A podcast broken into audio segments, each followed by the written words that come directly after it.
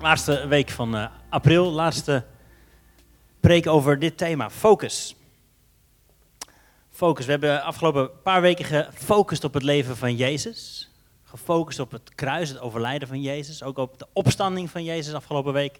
Heeft Costa wat uh, antwoorden op gegeven, wat uh, inzicht in gegeven. Super gaaf. En vandaag gaan we het hebben over wat, wat betekent het nu om, om te leven met Jezus voor jou en mij hier en nu 2019. En we hebben deze jaartekst als thema, hè, Johannes 15 over de wijnstok en de ranken. Jezus is de, uh, de wijnstok, wij zijn de ranken.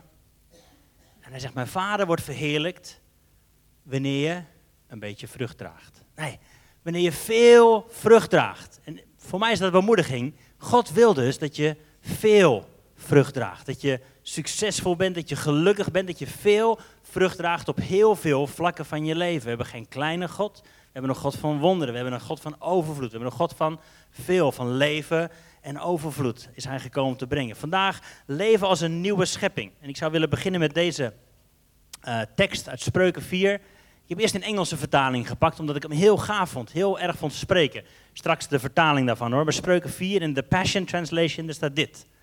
Kan die erbij? Yes.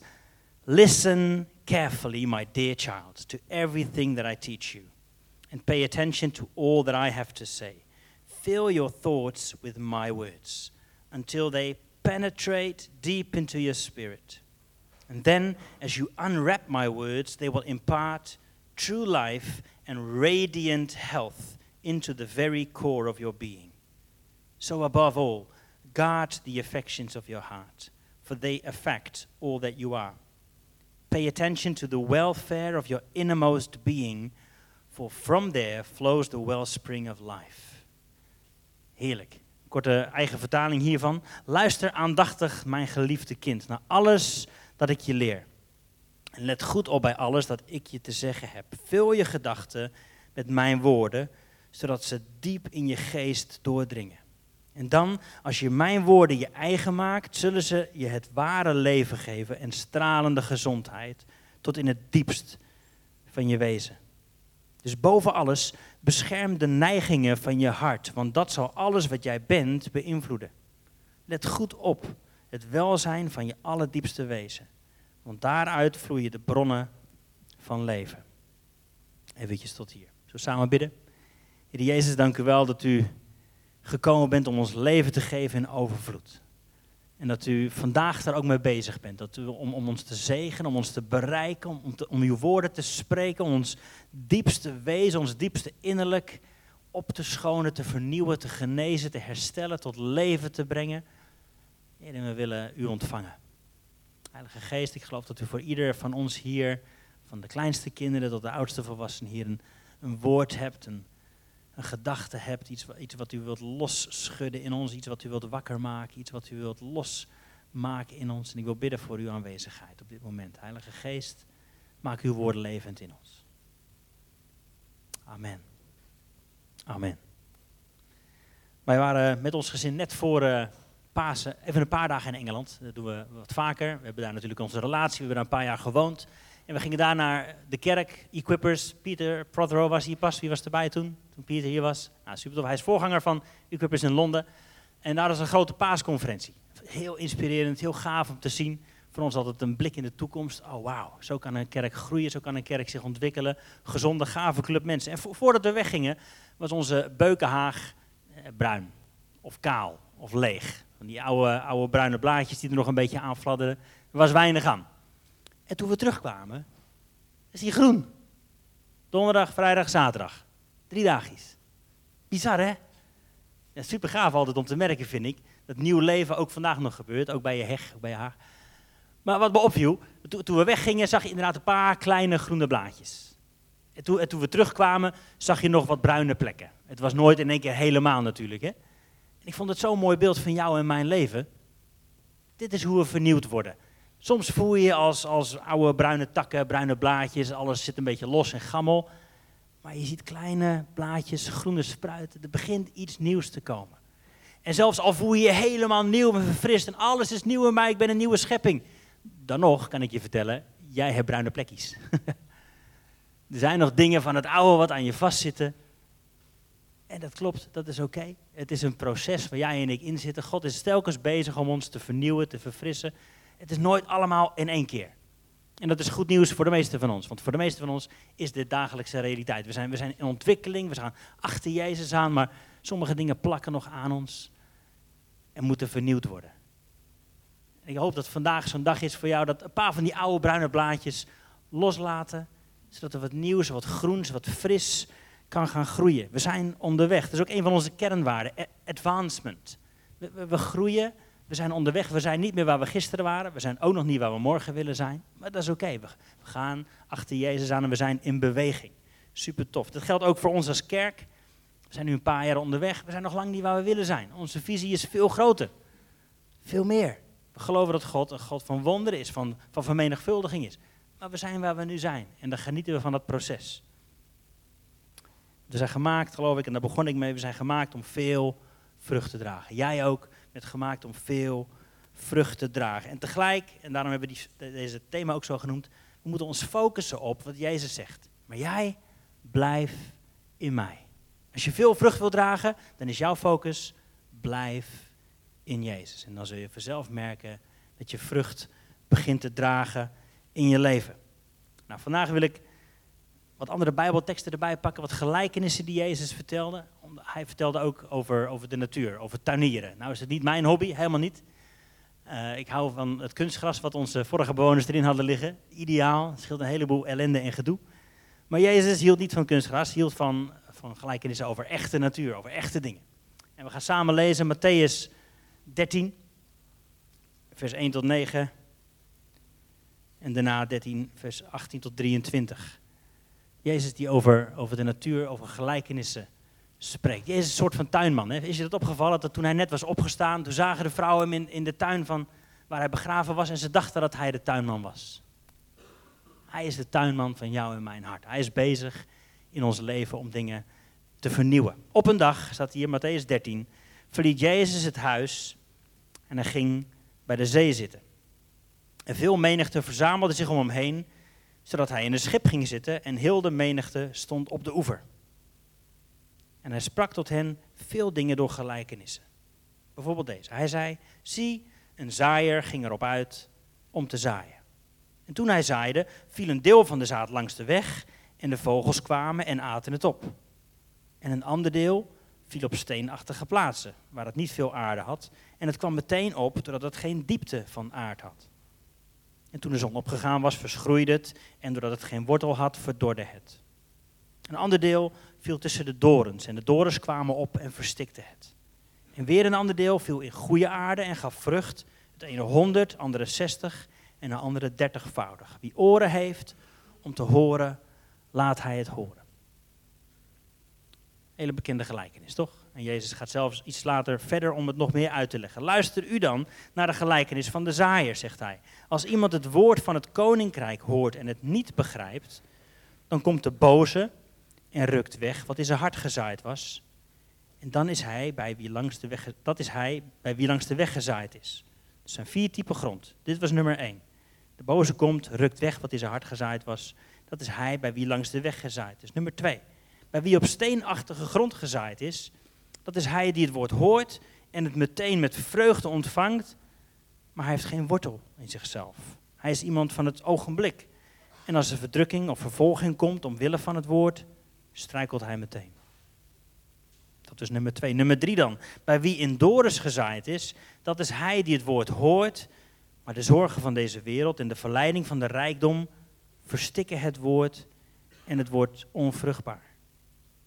Bij wie een goede aarde gezaaid is, dat is hij die het woord hoort en het begrijpt en die ook vrucht draagt en voortbrengt. De een honderd, de ander zestig en de ander dertigvoudig. Nou, een paar dingen over deze gelijkenis. Wat betekent dit nou? God is de zaaier. Dat is wat Jezus zegt. Het woord van God wordt gezaaid. God is de zaaier. En wij zijn de akker. Dit heeft alles te maken met jou en mij, met jou en mijn hart. Niet met de kracht van het woord. Dat is nog steeds hetzelfde. De zaadjes zijn overal hetzelfde. Langs de weg, in de rotsen, tussen de dorens, in het goede aarde. Overal is het woord hetzelfde. Maar jou en mijn hart bepaalt uiteindelijk of we vrucht dragen. Jouw en mijn hart bepaalt uiteindelijk of we vrucht dragen. De kracht van het woord is altijd hetzelfde, is altijd voor. Dat is het hele doel. God wil, nogmaals, dat we veel vrucht dragen. Dat is zijn droom voor jou. Dat is wat hij wil doen. Maar de staat van jou en mijn hart bepaalt of we vrucht dragen. Dan word ik altijd getrokken door het derde type. Een deel viel tussen de dorens. En de dorens kwamen op en verstikten het. Ik, had het net over de heg. Die helemaal groen was met een paar bruine plekken. Zo is het misschien ook met, met dat type aarde. Het is goede aarde. Er zitten nog maar een paar dorens in. Nog maar een paar bruine plekjes. Nog een paar dorentjes. Je ziet ze niet eens aan de buitenkant. Maar ze zitten in de aarde. En het woord komt. Maar door de zorgen van de wereld en de verleiding. Die dorens die in de aarde zitten. Die dorens die in jou en mijn hart kunnen zitten. Komt het woord niet op. Wordt het verstikt en gaat het dood. De hele implicatie ervan is dat Jezus zegt, als een goede tuinman, haal die dorens uit je leven weg. Toch? Haal die dingen uit je leven weg. Haal dat uit je leven weg, waardoor je geen vrucht draagt. Mijn droom voor jou is dat je veel vrucht draagt. Dus haal die dingen uit je akker. Goed, helder, mooie boodschap. Maar daarna lezen we dit. Volgende gelijkenis. Zegt Jezus. Meteen daarna vertelt hij dit. Hij zei: Het koninkrijk der hemel is gelijk aan iemand die goede zaad zaaide in zijn akker. En toen de mensen sliepen, kwam zijn vijand en zaaide onkruid tussen de tarwe en ging weg. En toen het opkwam en vrucht voortbracht, kwam ook dat onkruid tevoorschijn. De dienaren van de heer des huizes gingen naar hem toe en zeiden: Heer, hebt u niet goed zaad in uw akker gezaaid? Waar, waar komt dit onkruid vandaan? Hij zei: Dat heeft een vijand gedaan. En de dienaren zeiden tegen hem: maar Wilt u dan dat wij erheen gaan en het verzamelen? Maar hij zei: Nee, opdat u bij het verzamelen van het onkruid niet misschien tegelijk ook de tarwe zelf uittrekt. Laat ze allebei samen tot de oogst opgroeien.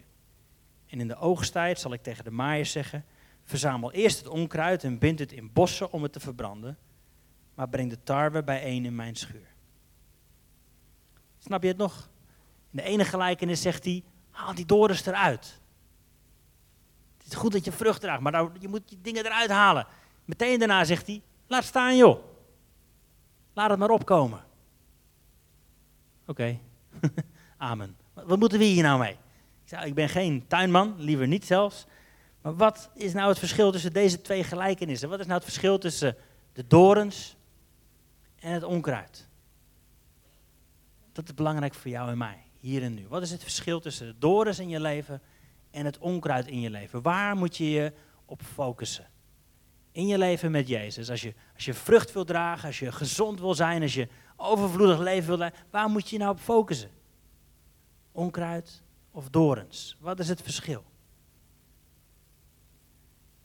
Ik geloof dat we, het is eigenlijk al gemaakt om veel vrucht te dragen, maar soms, soms heb je dat, hè, dat je rotsblokken op de weg ziet.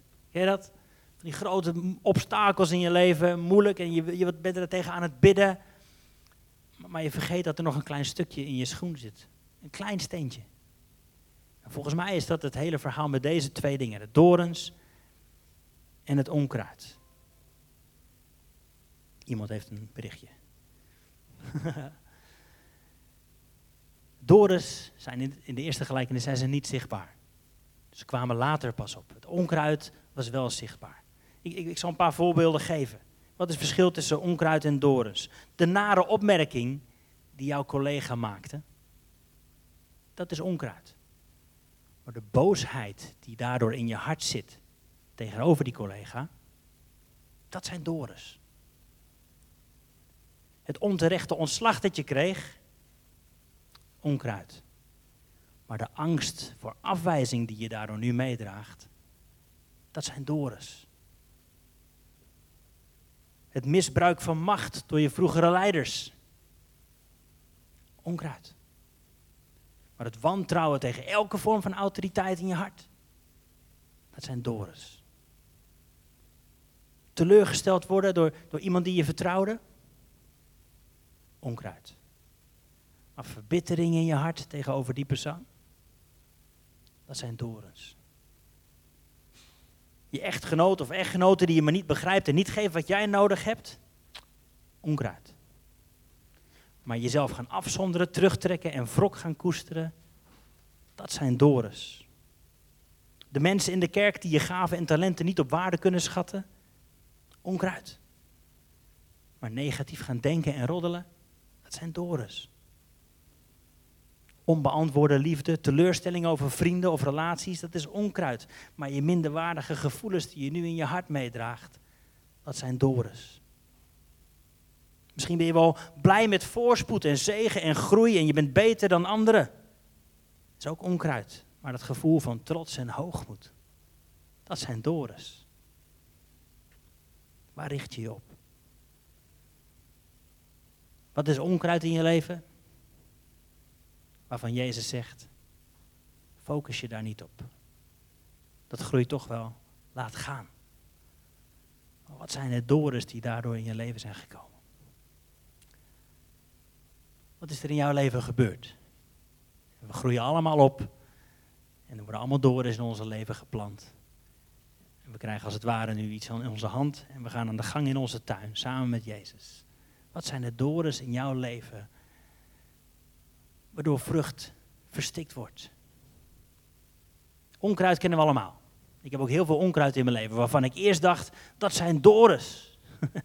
en die moeten eruit en daar moet ik op focussen en dan moet ik mee aan de gang. Terwijl Jezus zegt, laat gaan. Laat maar opgroeien. Dat is onkruid. Dat wordt vanzelf verbrand. Sommige mensen in je leven zijn onkruid. Leuke nieuws is, jij, jij bent ook onkruid voor iemand anders. Wist je dat? Zo reëel moet je zijn, toch? Daar heb je geen invloed op. Maar wel, wat gebeurt er aan de binnenkant van je hart? Welke dorens laat je toe in je leven? waardoor je vrucht verstikt wordt. Ik geloof dat, dat dat is leven met Jezus. Dat is vernieuwd worden in je denken. Dat is veranderd worden. Dat is opnieuw geboren worden. Dat is bevrijd worden. Dat is de kracht van het kruis vandaag in je leven laten werken. Deze dorens uit je leven verwijderen. Laat het onkruid voor wat het is. Maar ga aan de gang met jouw dorens in jouw hart. Ben je er nog? Jouw roeping, mijn roeping, is 30, 60, 100voudig vrucht dragen. Dat is waarvoor we gemaakt zijn. Gezond zijn. Onze akker op orde maken, ons hart op orde maken, de dorens eruit halen. Vier praktische stappen dan, om met die dorens aan de gang te gaan. Nummer 1, sorry, vijf. Vergeet, het onkruid, focus je niet daarop.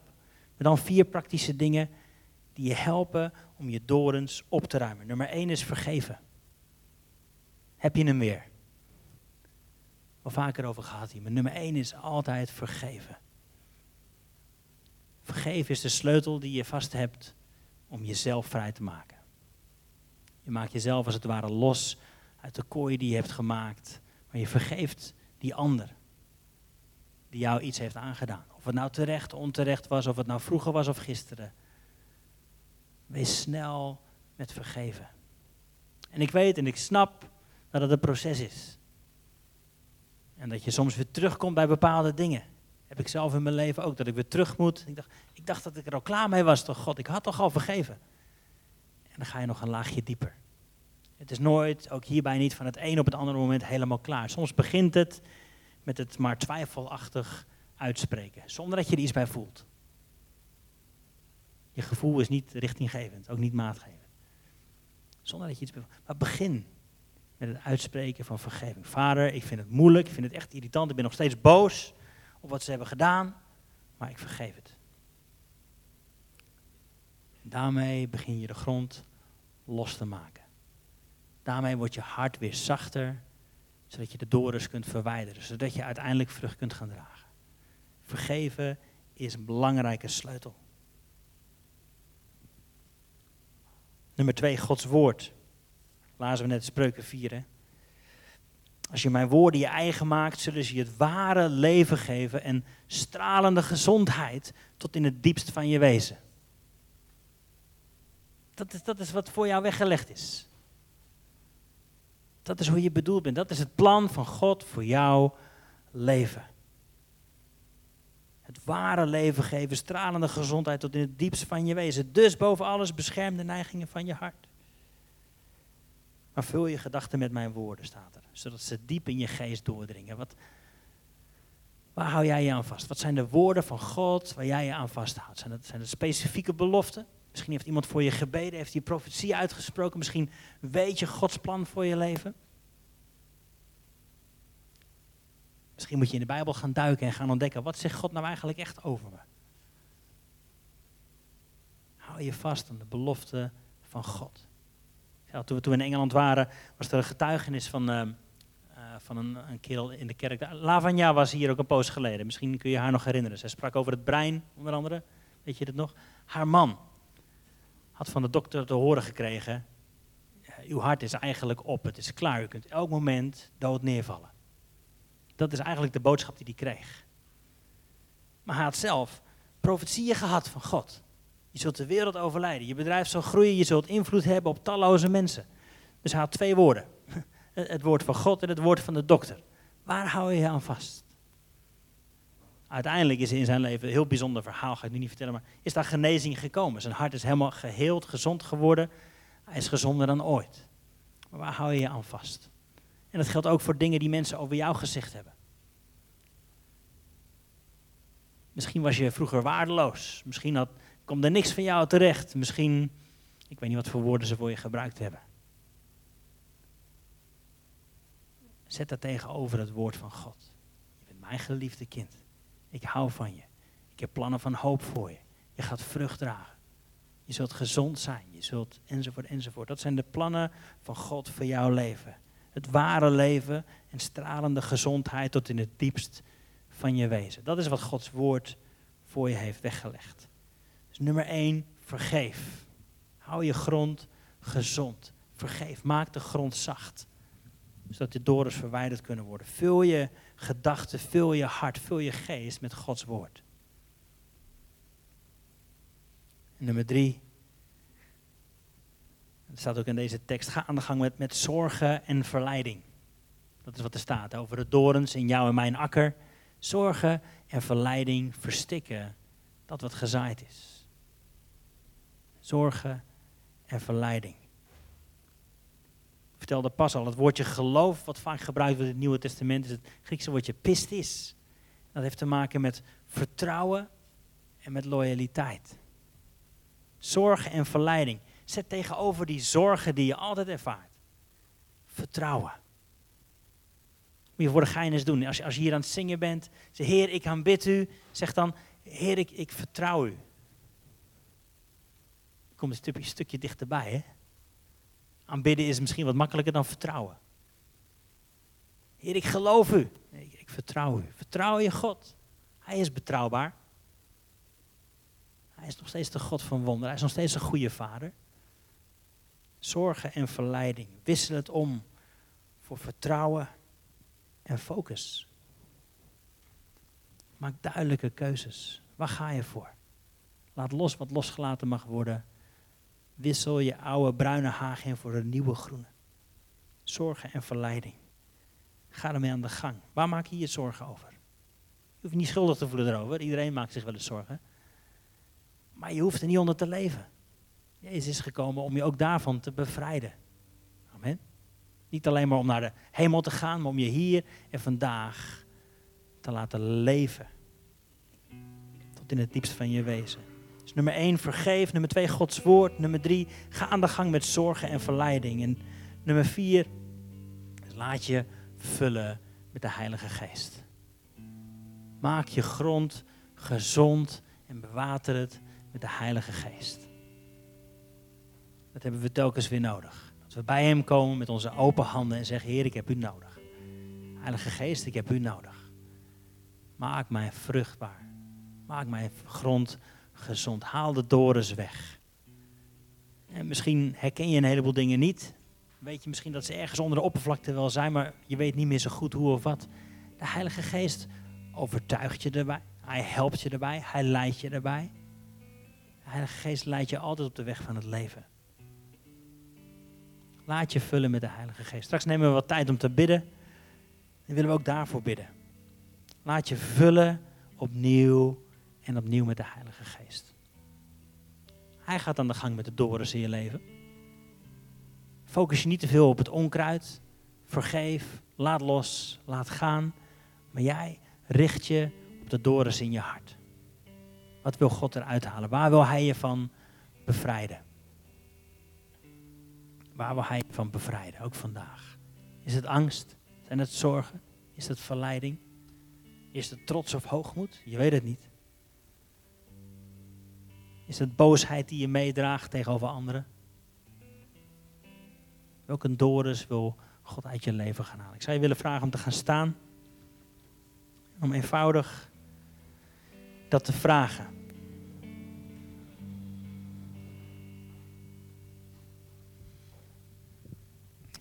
Heer Jezus, we komen bij u. willen vragen, wilt u ons helpen om onze grond gezond te maken? Om, om de dorens die nog in ons leven zijn, stuk voor stuk te verwijderen. Maak ons vrij. Maak ons gezond. En soms, soms vinden we dingen lastig om los te laten. Heer, u kent ons. Heer, maak onze grond zacht. Maak ons hart zacht, zodat we los kunnen laten wat eigenlijk niet bij ons hoort, dat ons verstikt. De pijn waar we gewend zijn geraakt, wilt u ons helpen om het los te laten. De boosheid die altijd onder de oppervlakte ligt, wilt u ons daarvan losmaken. Het verdriet dat bijna deel is geworden van ons karakter, van, van wie we zijn, wilt u ons ervan bevrijden. Wilt u ons helpen om mensen te vergeven. Wilt u ons helpen om onze gedachten te vullen met uw belofte, met uw waarheid, met uw goedheid. Zodat we vrucht kunnen gaan dragen. Heilige Geest, ik wil bidden dat u op dit moment door de rijen heen gaat, door ons hart heen gaat. Wilt u waaien? Wilt u ons overtuigen? Wilt u spreken? Wilt u laten zien wat we los mogen laten?